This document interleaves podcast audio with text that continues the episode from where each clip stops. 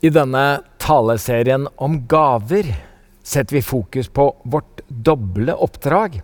På den ene siden forvalteroppdraget, som er gitt oss av Gud, vår skaper, og misjonsoppdraget, som er gitt oss av Jesus, vår frelser.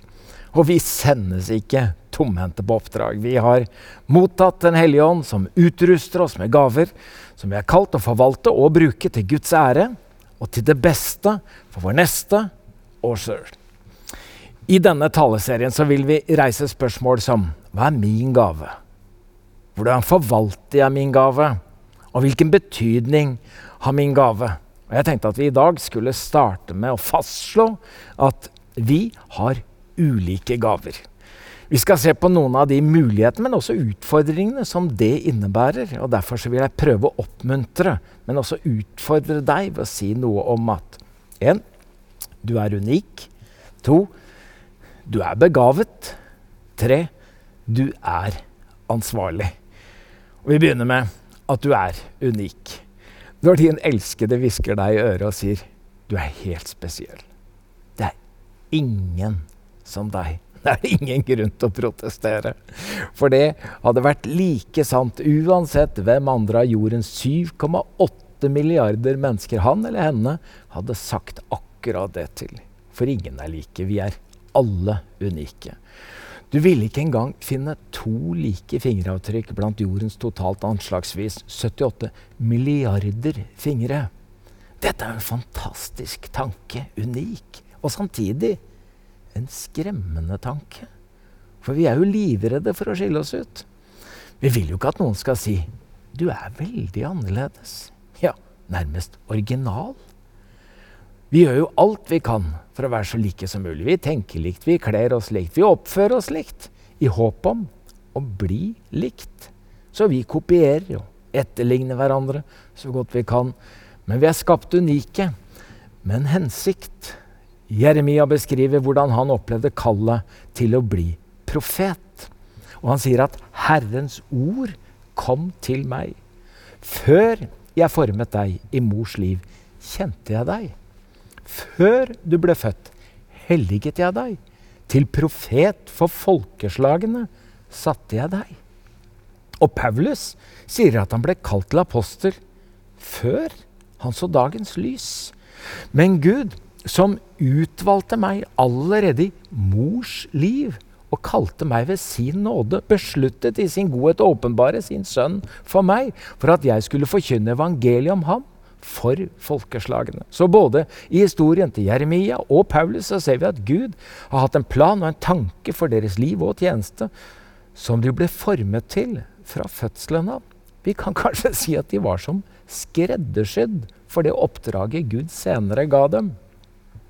Selvfølgelig ikke noe galt med konfeksjonsfabrikker som produserer millioner av plagg som er kliss like.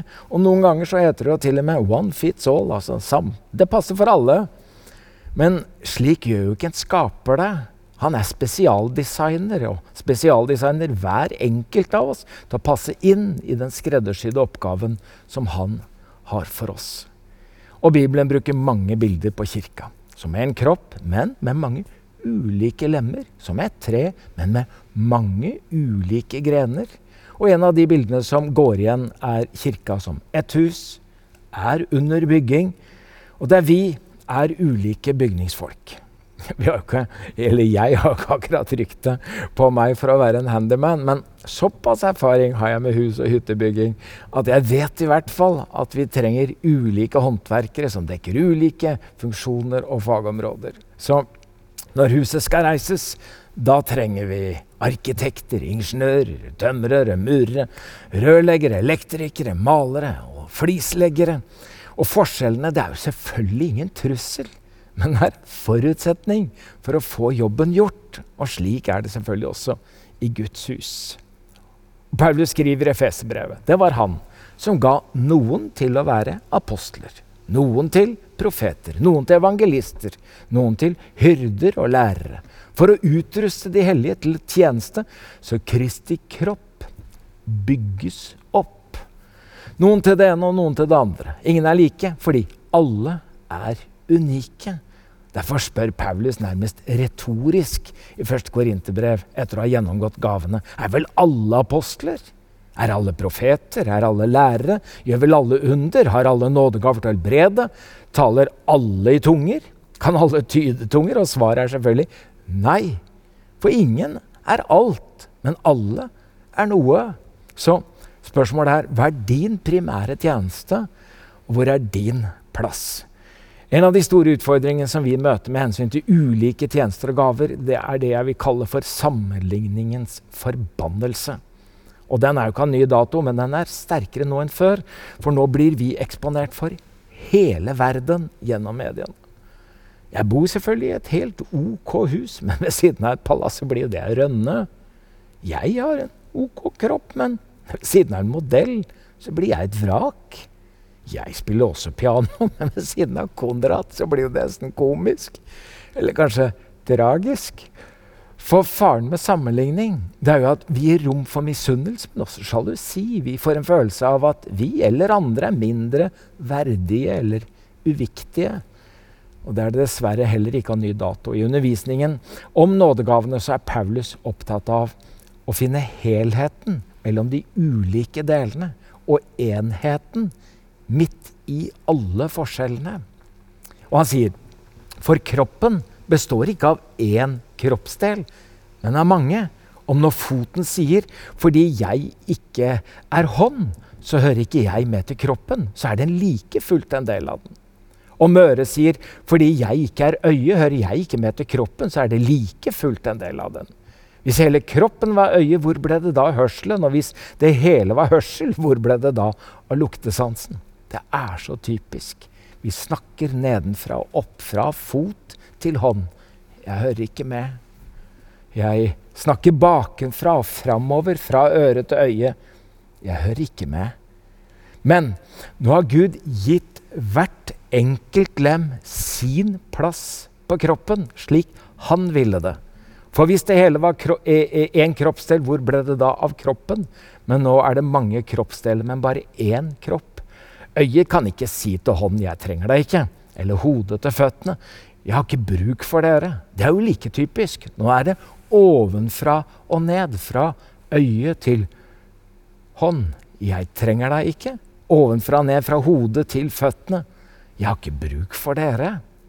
Så sammenligningens forbannelse er det som hindrer oss veldig ofte i å oppdage hvem vi er selv, og hvilke gaver som Gud har gitt oss. Men når jeg har funnet min plass, og da kan jeg begynne å glede meg over andre som også har funnet sin plass, og hvilke gaver de har.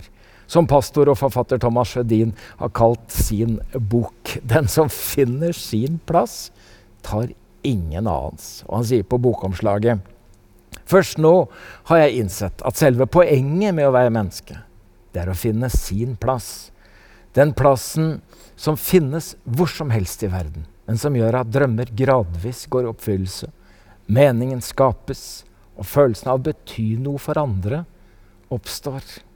Jeg tenker om dette nesten som et stort puslespill, og det er mange brikker. Og det er så utrolig frustrerende når det er én brikke som mangler, eller disse finner jeg liksom ikke plassen til.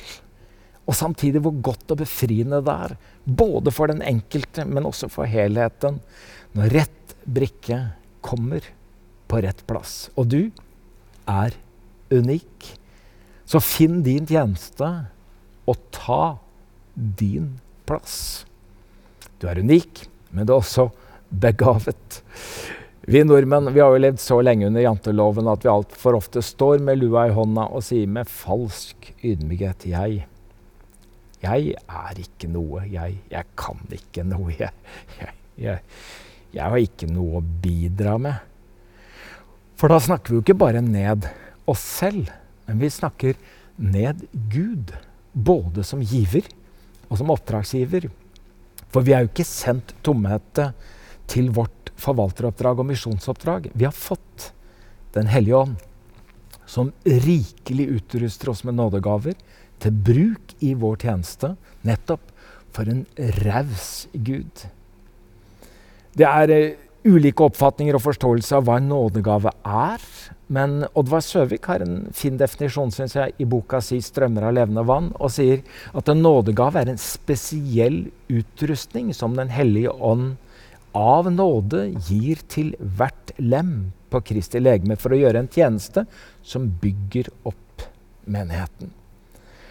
Og Det er tragisk at så mange kristne ikke vet hvilken tjeneste de har, og heller ikke hvilke nådegaver de har fått og kanskje nettopp derfor ikke finner sin plass. For noen år siden ble det gjort en stor undersøkelse blant 1600 aktive kristne i det tysktalende Europa. Og undersøkelsen avslørte at så mange som 80% ikke visste noe om nådegavene sine. Altså bare to av ti hadde en bevissthet om hvilke nådegaver de hadde. Og det svekker jo selvfølgelig hele det allmenne prestedømmet. Og Mange tror kanskje også at de ni nådegavene som er omtalt i 1. Korinterbrev 12, er de eneste nådegavene. Men når vi oppdager mer av mangfoldet og bredden i de ulike gavene som er omtalt flere steder i Det nye testamentet, så øker gjenkjennelsen, og så utvides perspektivene. Og vi får større forståelse for nådegavenes betydning. Sånn som vi hørte i samtalen også mellom Siren og Håkon. Eh, og det er mer enn 30 konkrete nådegaver som er omtalt i Nytestamentet. Men det er antakeligvis mange flere som er i funksjon. Og ingen av oss har alt, men alle har noe. Og For å finne ut hva jeg hadde, hadde jeg gleden av ta den såkalte nådegavetesten for mange år siden, som er utviklet av Naturlig menighetsutvikling, NAMU. Eh, for når jeg oppdaget og ble bevisst på hvilke gaver jeg hadde, så var det lettere for meg å finne min plass. Altså hva jeg skulle si ja til, hva jeg skulle si nei til, hva jeg skulle fokusere som min tjeneste.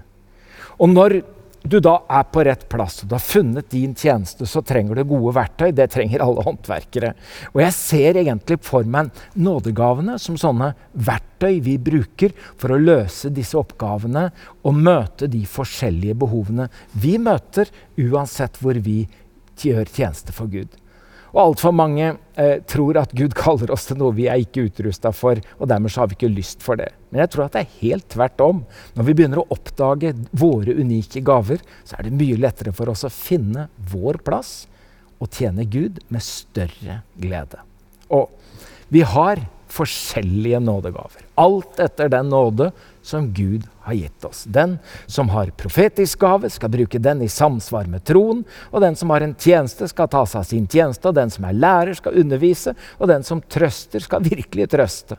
Den som gir av sitt eget, skal gjøre det uten baktanker. Og den som er satt til å lede, skal gjøre det med iver. Den som viser barmhjertighet, skal gjøre det med glede. Ja, det er forskjellige nådegaver.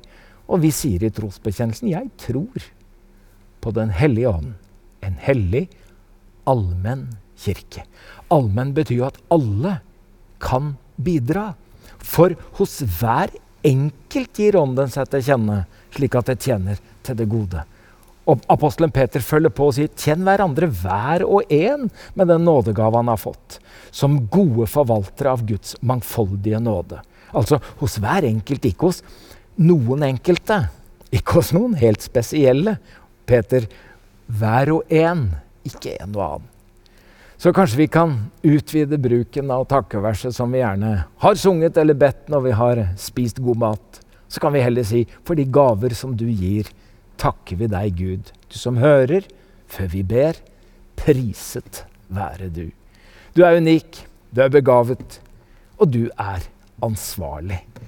Hver enkelt av oss har ansvar for å forvalte de gavene som vi har fått, i henhold til giverens intensjoner. For det heter jo nådegaver, og det er fordi vi får åndens gaver ufortjent, av bare nåde. Men historien og erfaringen har dessverre lært oss at det er mulig å misbruke nådegavene til å bygge opp oss selv og vår egen status og posisjon i forhold, og kanskje ofte i motsetning til andre.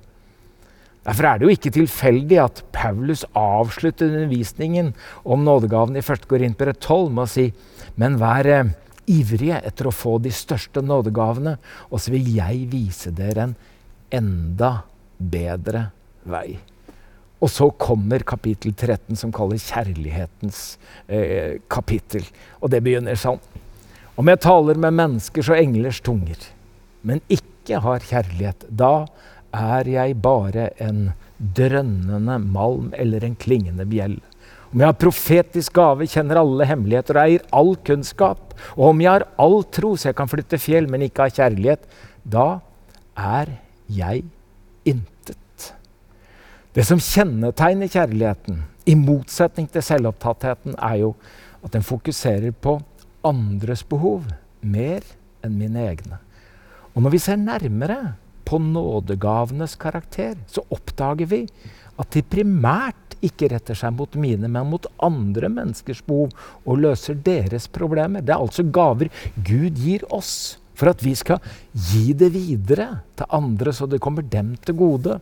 Så om vi ikke søker eller bruker nådegavene, så er det jo ikke bare oss selv det går utover. Det er andre som går glipp av de gavene Gud vil gi dem gjennom oss. Etter å ha undervist om hvordan nådegavene skal brukes i gudstjenesten, så sier derfor Paulus eh, nærmest som en slags konklusjon Men la alt tjene til å bygge opp. Så om nådegavene skal bli til oppbyggelse, så handler det ikke bare om å være rett person på rett plass til rett tid, men også å bruke gavene med rett motiv. Vi tenkte jeg til slutt skulle minne om Jesu lignelse om talentene, hvor det står i Matteus 25. Det er som en mann som skulle dra utenlands. Han kalte til seg tjenerne sine og overlot til dem alt han eide. Én ga han fem talenter, en annen to og en tredje én talent. Etter, enkelt, etter det hver enkelt hadde evne til. Og så reiste han. Så som unike tjenere med ulike gaver har vi ansvar for å forvalte våre ressurser i forhold og i henhold til eierens interesser. Og Kristent forvalterskap innebærer jo nettopp frihet, men også troskap. Eh, og I Jesu lignelse med de ulike talentene så blir, det, så blir de ikke holdt ansvarlig for det de ikke har fått. Men det er en forutsetning at de gavene vi får, de forvaltes sånn at de multipliseres. Resultatene de er som kjent veldig forskjellige. Men så er også utgangspunktet forskjellig. Men lønna er det samme. Bra, du gode og tro tjener. Du har vært tro i lite. Jeg vil sette deg over mer. Jeg tror at poenget i denne lignelsen er at vi alle, uansett utgangspunkt, eh, heller skal prøve å feile og mislykkes enn å ikke bruke og forvalte det vi har fått, men grave det ned. For da blir det ikke til glede, verken for andre eller for oss sjøl, eller til Guds ære. Så jeg tror på Den hellige ånd. En hellig, allmenn kirke som et forsonet fellesskap. Rett og slett hvor alle kommer med det de har, og bidrar med det Gud har gitt dem. Vi er ikke alltid forenet i samme mening og samme musikksmak, for den saks skyld, men vi er forsonet på tvers av forskjeller i Jesus Kristus. Det er biskop, biskop, tidligere biskop Sigurd Lunde som skrev sangen 'Dine løfter er mange'. Og han sier i det fjerde vers noe som jeg tenkte vi kunne be som en felles bønn. Dine gaver er mange. Din nåde er rik. Herre, velg for oss de gaver du vil. Hjelp oss å bruke dem rett og forvalte dem slik at det merkes vi er tent av din ild. Gud velsigne deg.